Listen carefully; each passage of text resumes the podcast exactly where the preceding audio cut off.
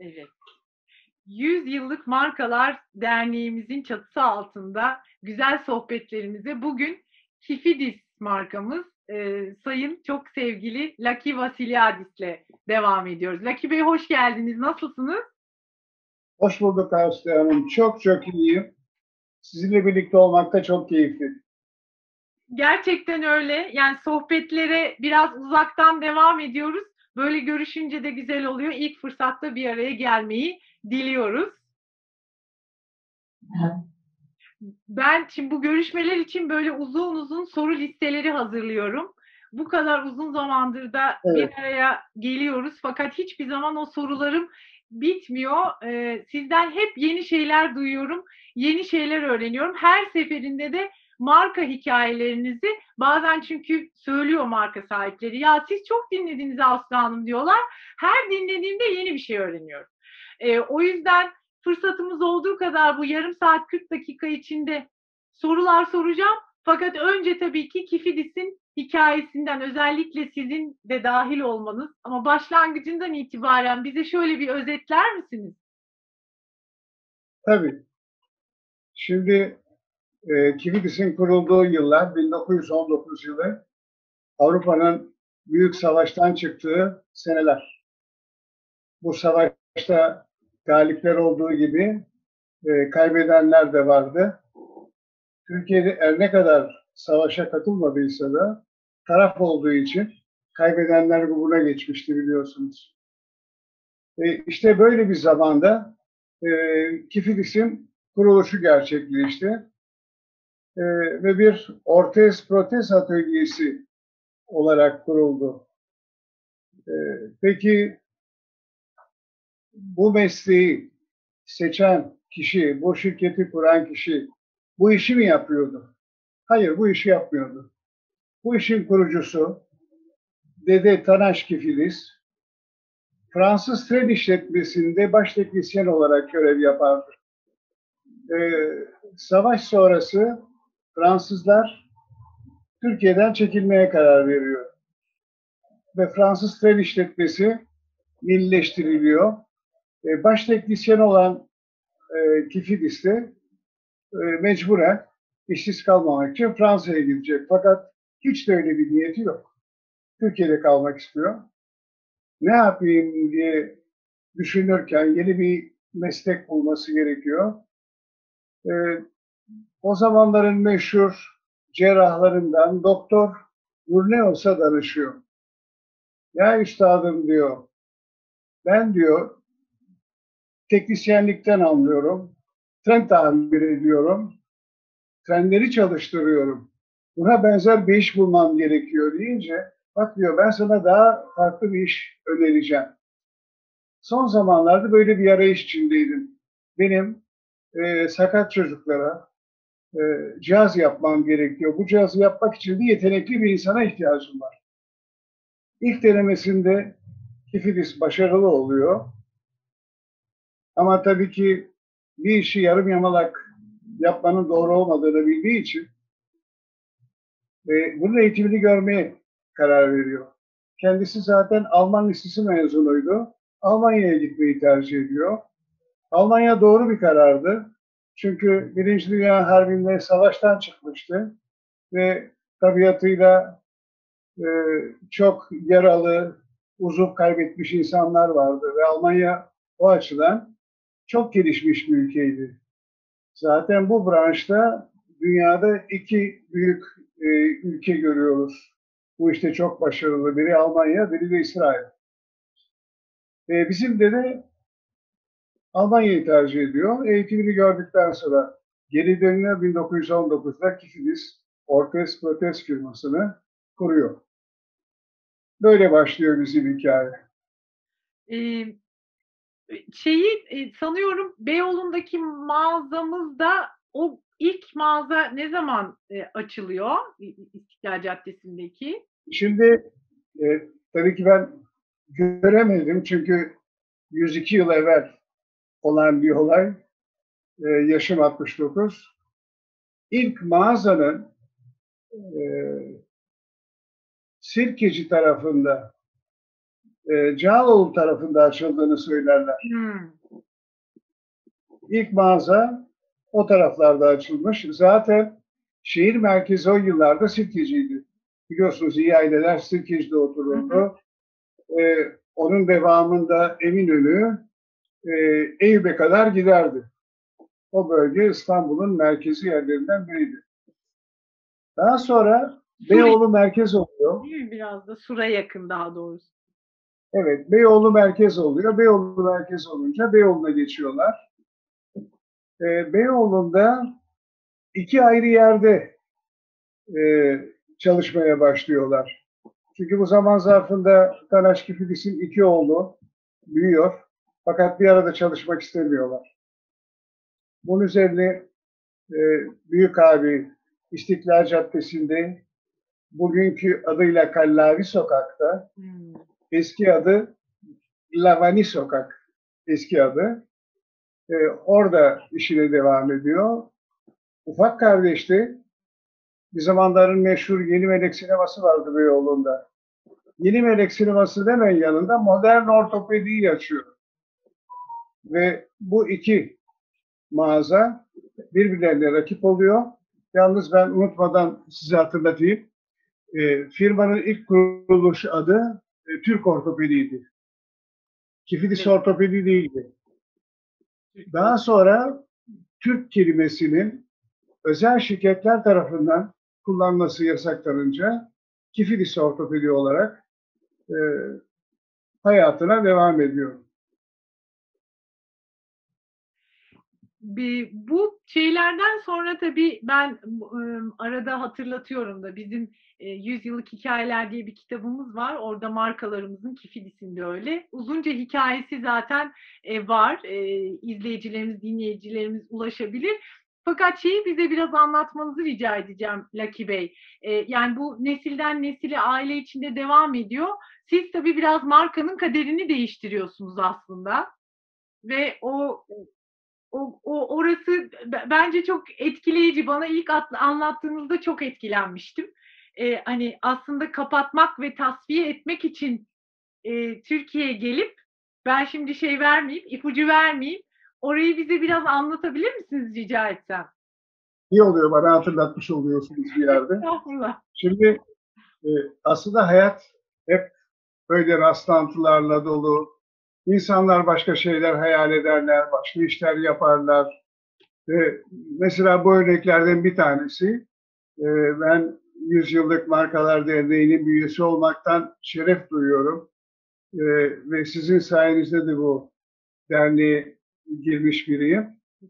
E, bizim yine derneğin üyelerinden Eminönü'nde bir lokanta var. Meşhur. Bu lokantanın sahibi doktor olmasına rağmen doktorluk yapmadı, lokantacılık yaptı. Kimdi bu lokanta? Değil mi? Bizim Yüzyıllık Markalar Derneği'nin üyelerinden bir tanesi.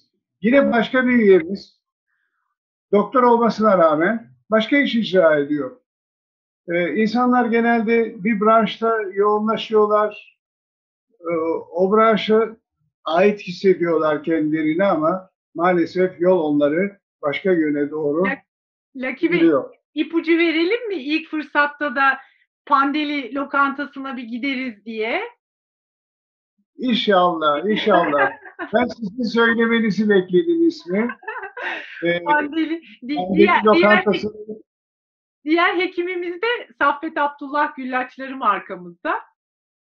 çok güzel, çok Evet. çok güzel. Zaten her biri bir tarih, her biri bir hikaye. Şimdi sıra gelmiş benim hikayeye, ben devam edeyim. Lütfen. Ee, ben Fransa'ya gönderiliyorum. Aile tamamıyla Alman ekolü. Ben Fransa'ya gönderiliyorum. Fransa'da gazetecilik eğitimi alıp e, gazeteci olmak istiyorum. Hayalim bu. Uluslararası ilişkilere devam ediyorum orada. Bu zaman zarfında ufak fotoğraf sergilerim oluyor. Siyah beyaz. Ee, bir gün ablam beni telefonla arıyor ve benden bir ricada bulunuyor. 74 olayları biliyorsunuz. Ee, İstanbul'daki ekaliyeti epeyce zarar vermişti. E, biz de ekaliyetleriz. E, ve Kifidis göç etmeye karar veriyor. Ve göç ederken de zaten 74'teki göçten evvel ben size 56'lık göçten bahsedeyim. Modern ortopedi Andre Kifidis 55-6-7 Eylül olaylarında 1955'te Paris'e göç etti. Ve mesleğini Fransa'da devam ettirdi. Ortostatik şirketi olarak 74 yıllarında da Kifidis grubu Atina'ya geçti. Orada işe devam etti. Tabii buradaki şirketi kapatmaları için tazminat ödemeleri gerekiyor. Çalışanların tazminatı ödenecek. Ve benden rica ediyorlar. Ne diyorlar sen okulu bitirdin. Gel birkaç ay için bize yardımcı ol. Şirketi kapat. Feshet sonra yine Paris'e dön. Ben İstanbul'a gelmişken bir daha geri döner miyim? Burada kalmanın yollarını arıyorum. Ama tabii işi de bilmiyorum. En sonunda aileme burada kalacağımı söylüyorum. Ve bana kapat dedikleri şirketi kapatmıyorum. Daha da büyütmeye çalışıyorum. Yalnız o güne kadar şirketin çalışma prensiplerinin dışına çıkıyor. Neydi o? Şirket e, ortez ve protez üzerine yani uzuvu eksik olan, eli olmayan, bacağı olmayan kişilere bacak kol yapıyordu. Bir de e, korse, e, yürüme cihazı, e, değnek, bu tür şeyler yapıyordu. Tabii bu bana biraz şey geldi, zayıf geldi bu iş. Ben kaç kişiye hitap edeceğim dedim. Her gün gelse gelse reçeteyle beş kişi gelecek, altı kişi gelecek. Bu beni tatmin etmez. Ne yapayım? Ben bunun toplu satışını gerçekleştireyim. Ve Türkiye'de bir ilki gerçekleştirdim. Medikal ürünü, medikalci kardeşlerim bana kızacaklar belki, eczanelere soktum. O yıla kadar eczaneler tıbbi malzeme satmıyorlardı.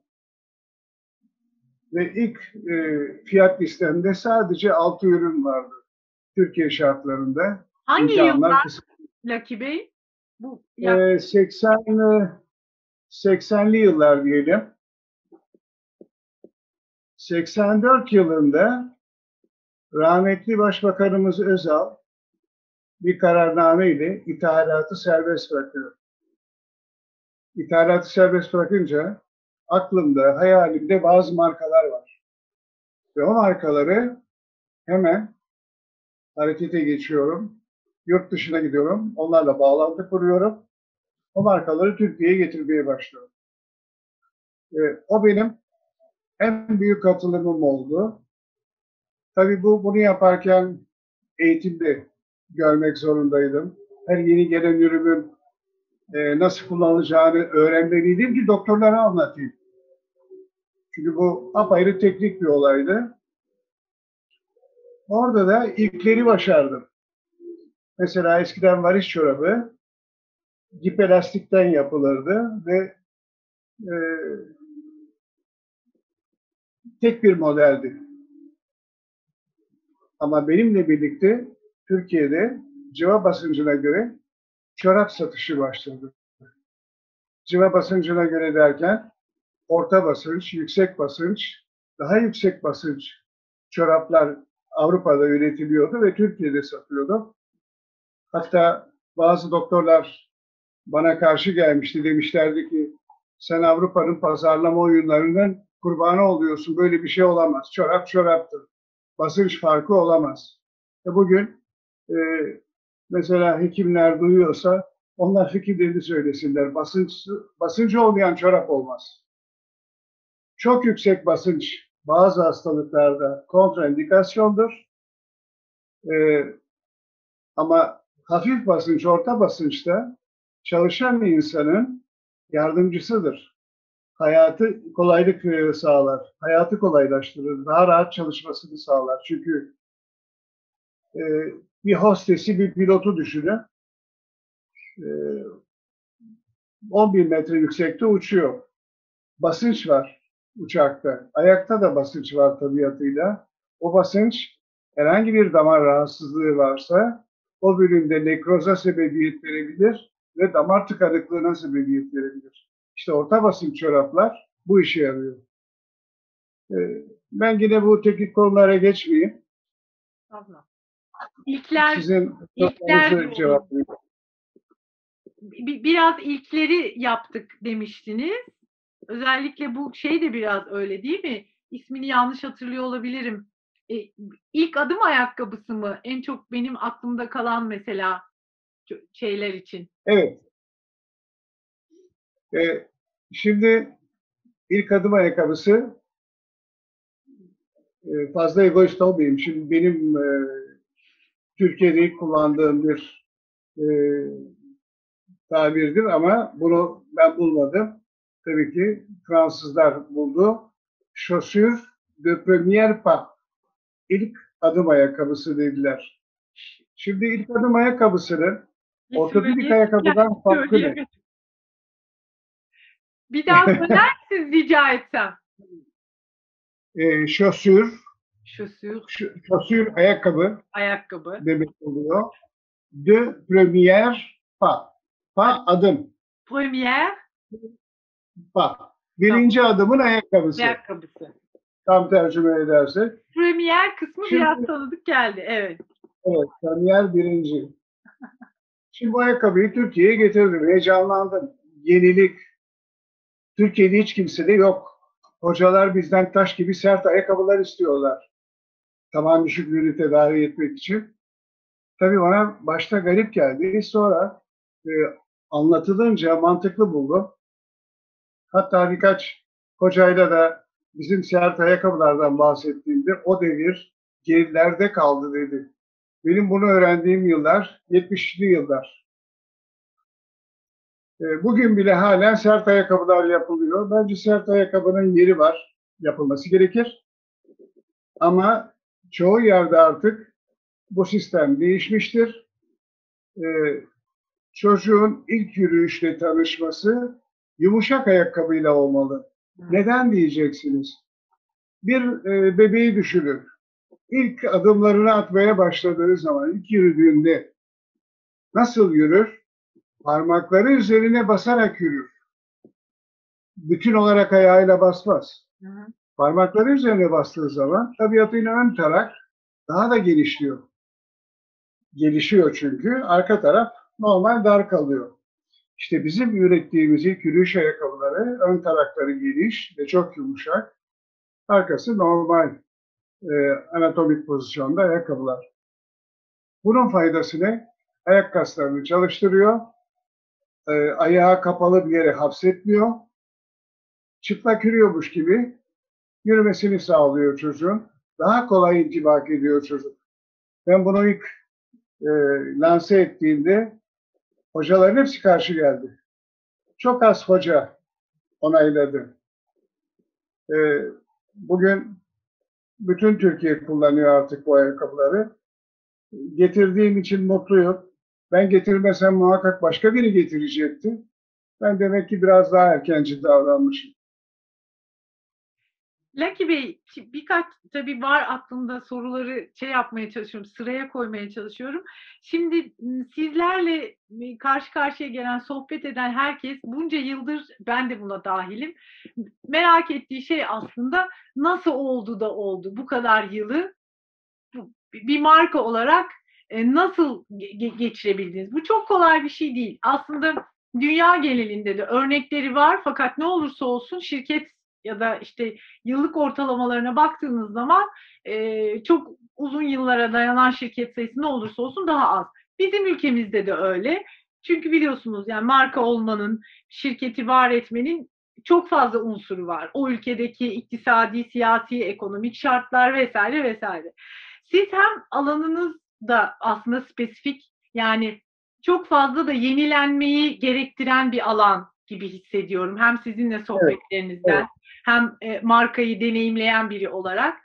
Böyle hani şey diye sorular sormak istemiyorum. İşte sizce 5 maddede nasıl 100 yıllık markada oldunuz falan gibi gazete manşeti soruları olmasın. Fakat bize yine de böyle biraz biraz ipuçları verseniz en çok e, uzun zaten marka demek uzun yıllar var olmak demek. Yani yeni kurulan bir oluşumun niyeti var demektir. Yani ben yeni bir marka yarattım cümlesi tırnak içinde çok doğru değil. O yeni ise zaten biraz daha zamana ihtiyacı vardır.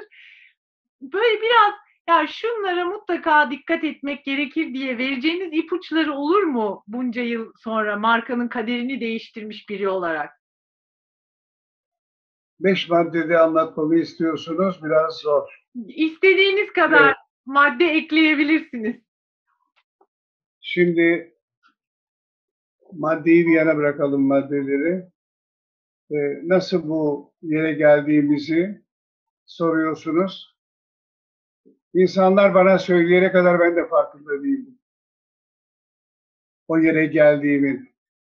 İnsanlar bir yere geliyorsa da e, birileri söylediği için farkına varıyorlar. Kendiniz bunu en son hisseden, en son öğrenen kişi oluyorsunuz. Bakın size bir örnek ver- vermek istiyorum. Bu dediğinizin dışında ama e, çağrıştırıyor. İlk mesleğe başladığımda 25 yaşındayım. Daha çok gencim. İnsanlar biliyorsunuz genç insanları deneyimsiz kabul eder ve onlara güven duymazlar. Daha işe başlayalı iki ay, üç ay olmuştu.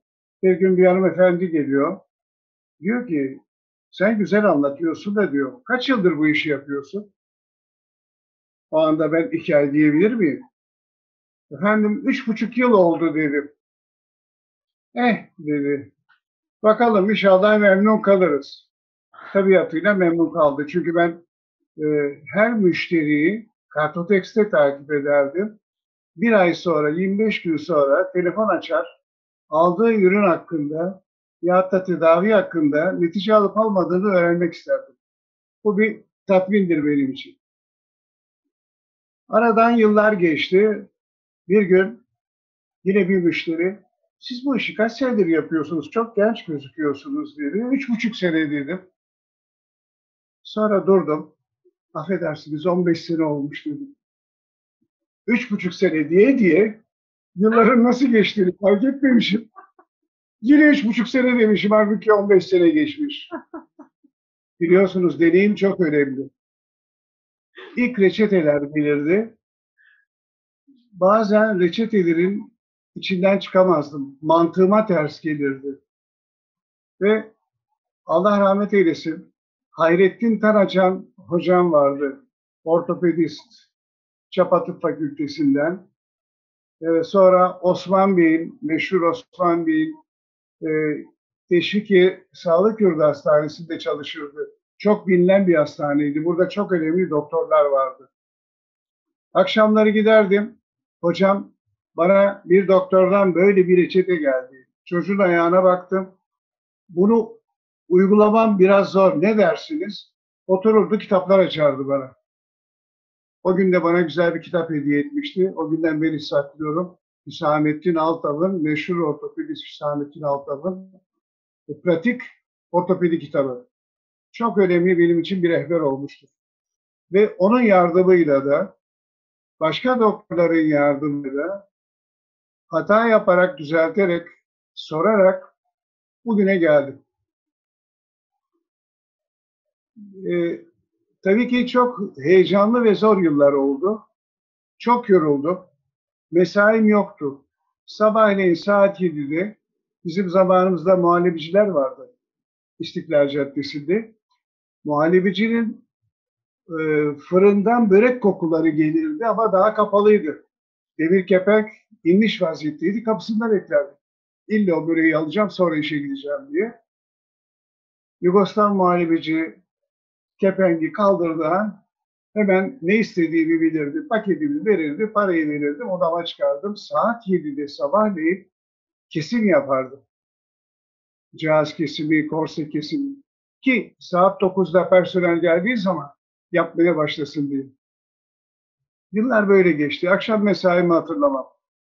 Ne zaman e, döndüğümü, hatta çocuklarımın nasıl büyüdüğünü bile hatırlamıyorum. Benim için bu bir vicdan azabı.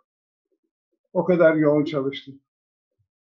Bir gün bana aferin dediklerinde niye aferin diyorsunuz dedi. Sen çok büyük işler yaptın dediler bana. Başkası söylemeseydi farkına varmayacaktım. Hatta yılların nasıl geçtiğini de fark etmedim. Bugün İşe başlayalı 45 yıl olmuş. Ve yoruldum diyorum herkese. Herhalde bırakırsın diyorlar. Tabii diyorum 10 sene evvel Cuma, Cumartesi, Pazar çalışmayacağım demiştim yazları. E uyguladım diyorlar. Yalnız pazarları uyguladım diyorum. Mümkün değil. Eğer bir sorumluluğunuz varsa bırakamıyorsunuz işi. Bırakmayın zaten. E, bırakmayın zaten diyorum fakat buradan şeyi de ekleyebilir miyim? Bir yandan da e, bir nesil geçişi de yaşıyorsunuz değil mi? Yani bildiğim kadarıyla sizin hem içeride iyi ve bayağı köklü bir ekibiniz var. Bir de birlikte çalışıyorsunuz. Bir nesiller arası şey var, e, yönetim var sanki. Evet. Şimdi ben yönetime geçmeden önce müsaade ederseniz e, bir başarının öyküsü demiştiniz biraz evvel. Evet. Öyle dedi. Ve ben o bölümü e, size anlatmadan geçiştirdim. Orayı tamamlamak istiyorum. Lütfen. Ben de bölmüş oldum biraz. Alıyorum Bu notlarımı işte, bir yandan. No, şimdi aklıma geldi. Bu işte nasıl başarıyorsun? Nasıl bir yere geliyorsun? Tek başına hayatta hiçbir şey yapman mümkün değil. Her şey ekip işi. Ekip işi bu işleri yapman için ilk önce e, bu işi iyi bilenlerden istifade edeceksin. Kimdi bu işi iyi bilenler? Daha evvel deneyim sahibi olmuş kişiler, firmalar, yabancılar, Fransızlar, Almanlar, İngilizler. Bunlarda eğitim gördüğüm zaman hep ağzım açık kalıyordu.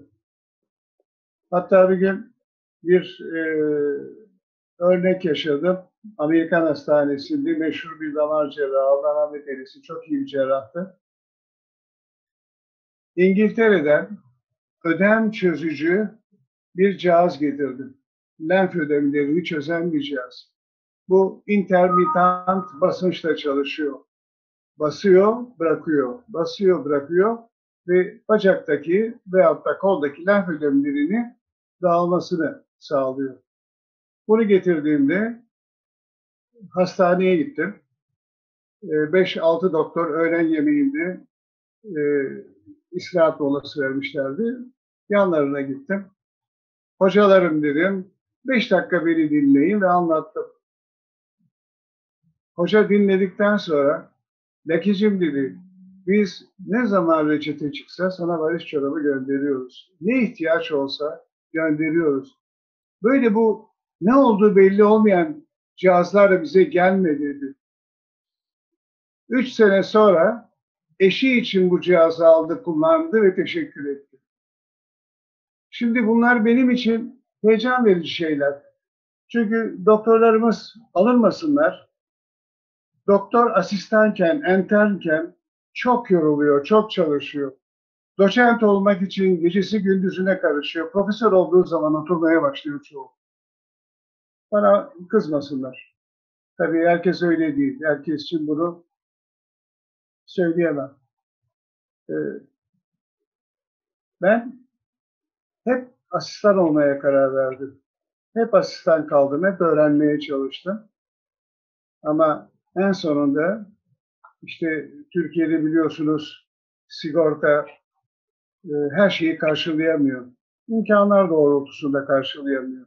Çünkü memleketin bütçesi belli, memleketin şartları belli. Karşılayamadığı zaman eğer siz ticaret yapan, para kazanmak isteyen bir firmaysanız o zaman devletin verdiği meblağa göre üretim yapmaya başlayacaksınız. Bu ne demektir? Kaliteden ödün vereceksiniz. E, iş yapıyor mu, yapmıyor mu önemsemeyeceksiniz. Sadece adı üstünde, o ürünün adı, o malı hastaya vereceksiniz. İşte ben bu yolda e, yollarımızı ayırdım. Dedim ki etik olacağım, doğru ürün satacağım. Belki sürüm yapamayacağım, devletin sigortasını satamayacağım ama iyi malı satacağım. Bugün kifil istendiği zaman derler ki fiyatı belki biraz pahalıdır ama doğru mal satar. Bence artık fiyatım da pahalı değil. Ee, Yani deneyim, ekip, biraz uzmanlaşma, etik eee, değerlerden çok vazgeçmemek, itibar. Böyle mesajlar aldım biraz sizin emm, Profesyonel ekibimize geçelim. Na- nasıl? Profesyonel ekip, profesyonel ekibime geçeyim biraz. Ee, ekip çok önemli dediğiniz gibi. Onlarsız hiçbir şey olmuyor. Bugün e, bir orkestrayı düşünün. 80 tane çalan orada insan var. Bir insanın elindeki çubukla orkestra ahenkli bir şekilde size en güzel müziği sunuyor. İşte bizler de bunu yapmaya çalışıyoruz. Tabii bizim elimizde sopa yok. Sopasız bu işi yapıyoruz. Ee, Ekibim çok iyi, şükürler olsun. Eski elemanlar, yeni elemanlarım çok az. Yeni elemanım bir tek pazarlama grubunda oluyor yeni elemanlar. Çünkü pazarlama grubu her gün sokakta firmalarla çok iyi ilişkilerde olduğu için en az elde kalan elemanlar onlardır. En kolay onlar gider. Ama ekibim e, onlarla birlikte olmaktan çok mutluyum. Hepsi benim için bir değerdir. Ve inşallah uzun yıllarda aynı ekiple birlikte olma şansını elde ederim. Biraz şeyi soracağım Lucky Bey, vaktimiz de kaldığı kadar tabii aslında yarım saati geçirdik. Bu, yani özellikle son dönem çok pandemi özelinde detaylı bir şey sormak istemiyorum fakat, eee, dijital dönüşümü iyice hızlandırdı pandemi. Ya, lakin ondan önce arkadaki fotoğraflar, eee, ilgimi çekiyor. Bizi izleyenlerin de ilgisi çekiyor ilgisini çekiyor olabilir. Bize böyle birazcık birkaç ipucu verebilir misiniz o güzel fotoğraflarla ilgili? Şimdi burası benim çalışma odam. Evimde çalışma odam. Ee, arkamda gözükmeyen fotoğraflar benim 1970 75'li yıllardaki Yapı Kredi Sanat'taki fotoğraf sergimden resimler. Ee, karanlık çalışırdım eskiden. Siyah beyaz, şey, karanlık odada çalışırdım. Siyah beyaz daha çok çıkartırdım. O fotoğraf e, resimleri bir kısmı. Çok Sol tarafta büyük dedem. Ee, sağ tarafta da hepimizin hepimizin babası atamız var. Belki görüyorsunuz burada. Evet, Çok söyleyince daha görülen bir resim. seçebildik Çok nadir. Her yerde bulamazsınız bu resmi. Ben bunu yine e, bir Ankaralı e, yazardan aldım. İsmini şimdi hatırlamadığım için de utanıyorum. Acaba bulabilir miyim?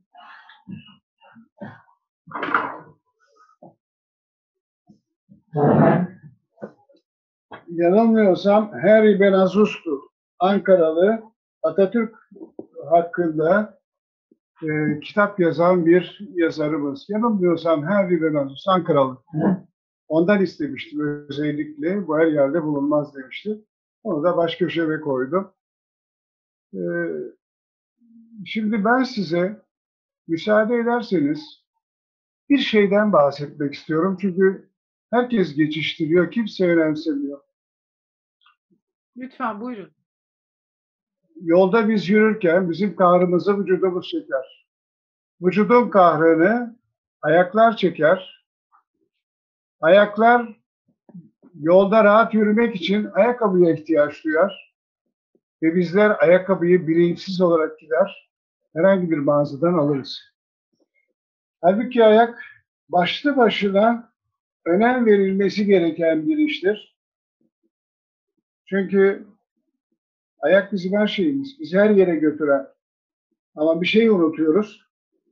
Ayak tipleri ırklara göre değişiyor.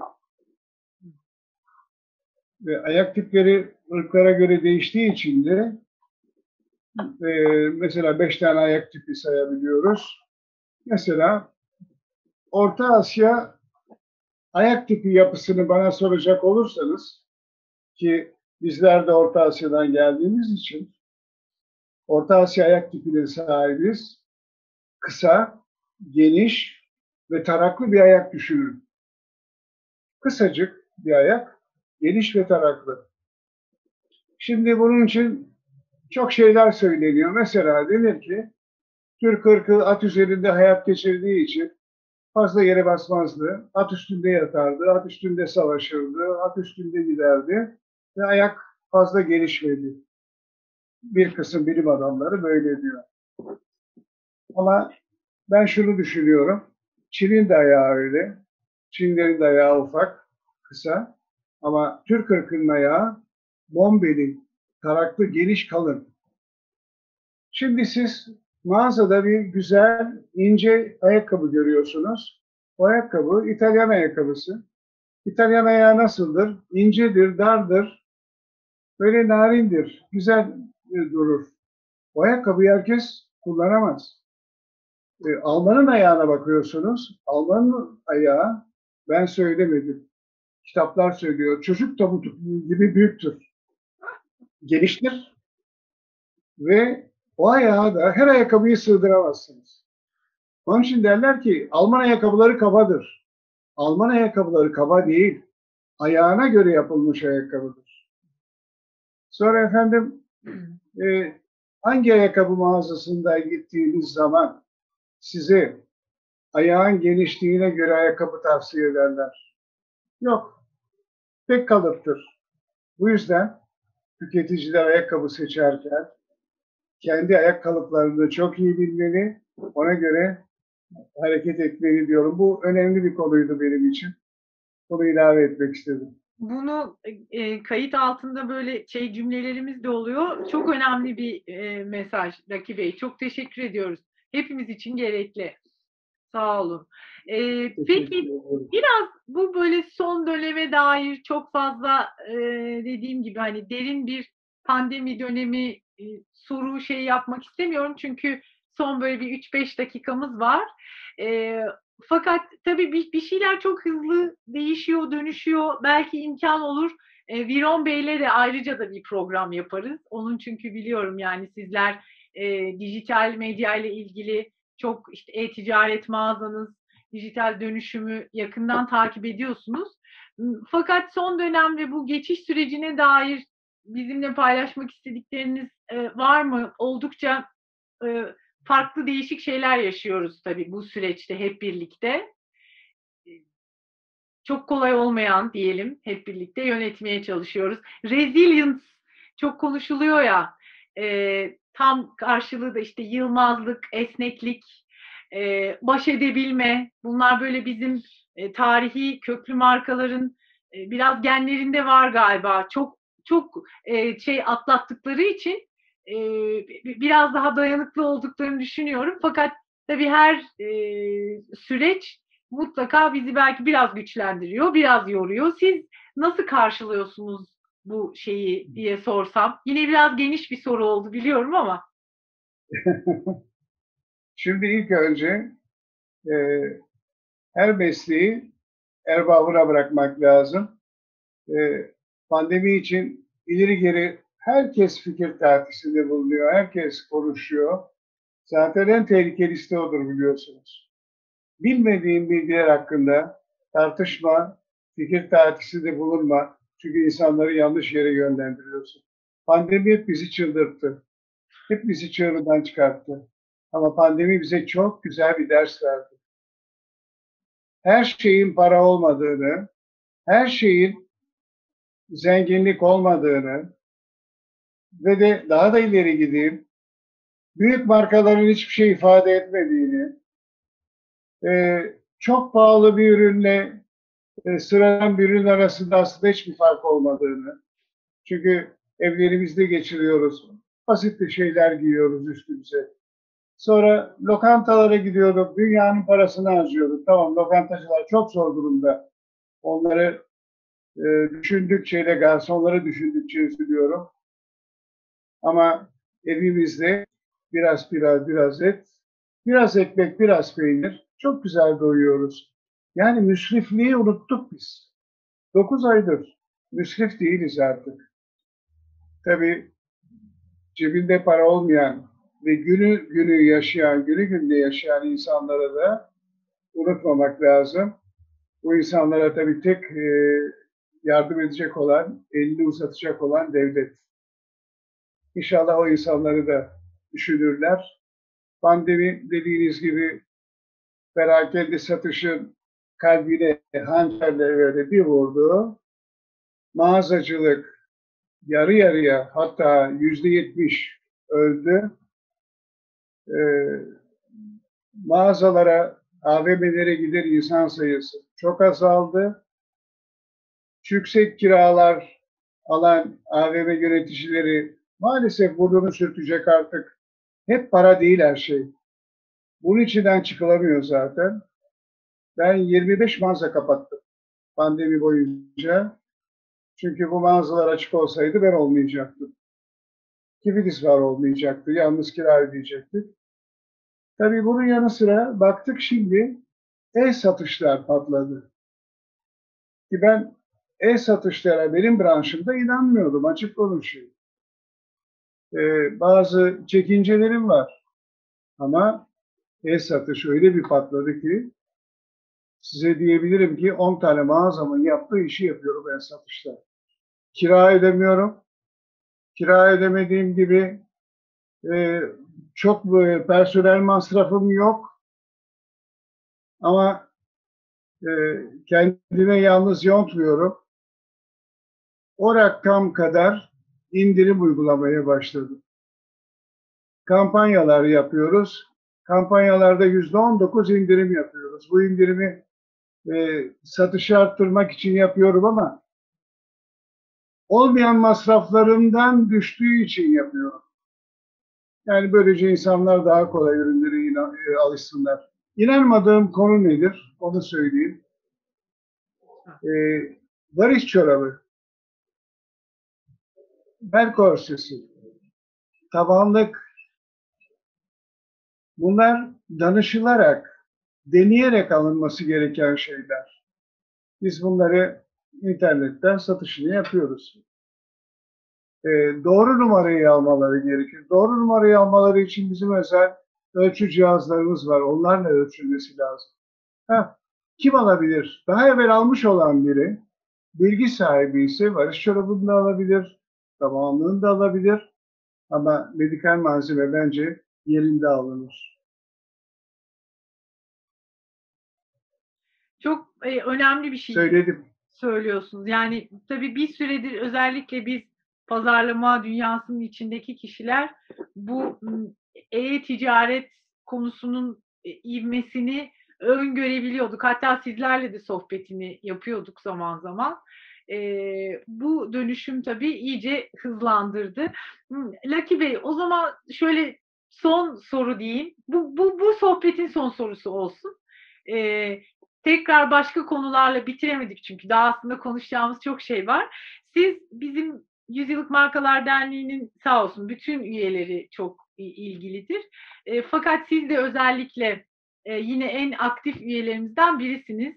E, yönetim kurulu e, başkanıyla Engin Tuncer'le de şeyleriniz, diyaloglarınız oluyor, toplantılarımıza katılıyorsunuz şey bir şekilde.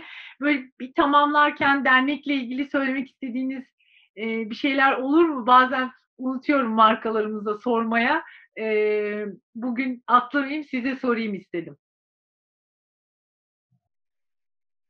Türkiye bizim 100 yıllık Markalar Derneği hepimiz için aslında önemli. Bence şu anda üye sayımız olması gerektiği adedin çok altında.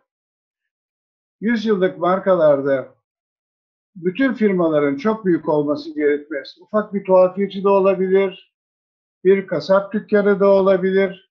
Bunların da aramıza gelip e, katılması gerekiyor diye düşünüyorum Aslı Hanım. E, çok da değerli bir başkanımız var. Eyüp Sabri Tuncer kolonyalarının sahibi Engin Bey. E, bundan bir süre evvel bir toplantıda e, aramızda işte ekonomik durumdan bahsederken e, kaybettiğimiz değerlerden, e, kaybettiğimiz cirolardan konuşuyorduk. En büyük kaybımın da bu ayak sağlığı kremlerinden oluştuğunu elimdeki yabancı mümessilik satılınca böyle bir açığımın çıktığını söylediğimde dert etme dedi Lucky. Biz yaparız. Ya üstad dedim o kadar kolay bir şey mi yani yapmak? Niye dedi? Bizim argemiz var, laboratuvar çalışmalarımız var, yurt içinde yurt dışında danışmanlarımız var. Otururuz, pazarlama birimimizle toplarız, imalat birimini toplarız, hep birlikte konuşuruz, ne yapacağımıza karar veririz. İki ay gibi kısa bir zamanda istediğim şekildeki kremi oluşturdular. Hatta e, bazı hastalar üzerinde veyahut da ayağından şikayet olanlar üzerinde çalışmasının deneme- denemesini yaptık. Çok iyi netice aldık. Allah kısmet ederse Mart ayından itibaren bu değerli krem Eyüp Sabri Tuncer Kifidis işbirliğiyle piyasaya çıkacak. Hayırlı olur diyorum. Çok e, bu markaların işbirliklerini çok kıymetli buluyorum. Yani hem pazarlama cephesinden e, uzmanlıklarını birleştirmelerini ve yan yana gelmelerini o zaman heyecanla bekliyoruz yeni ürününüzü Lucky Bey. E, diğer konuyla ilgili de çok haklısınız. Markaların e, köklülüğü, derinliği, özgül ağırlığı dedi geçen gün e, Engin Bey bir programda. E, çok çok kıymetli. E, o yüzden e, işte tek şube, az çalışan e, hiç e, ayırmıyoruz. Biz o derinliğe, köklülüğe, devamlılığa, marka mirasını nasıl, ne kadar taşıdığına, geçmişten geleceğe nasıl götürdüğüne aslında bakıyoruz. E, sayısı az Türkiye genelinde de fakat e, artmasını diliyoruz hep birlikte. Eklemek istediğiniz bir şey var mı tamamlarken? E, Valla her şeyi söylediğimizi düşünüyorum. E, şu pandemiden bir an evvel kurtulalım. Eski sağlıklı günlerimize dönelim. Ve e, asık yüzler güler yüze dönüşsün. Her kötü havanın sonunda güzel bir gün başlar. Ben güneşli havalar bekliyorum. Hep İyi birlikte. günler diliyorum. Baha- bahara doğru gidiyoruz Lucky Bey. Çok sağ olun katıldığınız için. Çok güzel bir sohbet oldu. Tekrarını diliyoruz. İyi akşamlar diliyorum. İyi Görüşmek üzere. Sağ olun. Teşekkür ederim. İyi akşamlar. Sağ olun.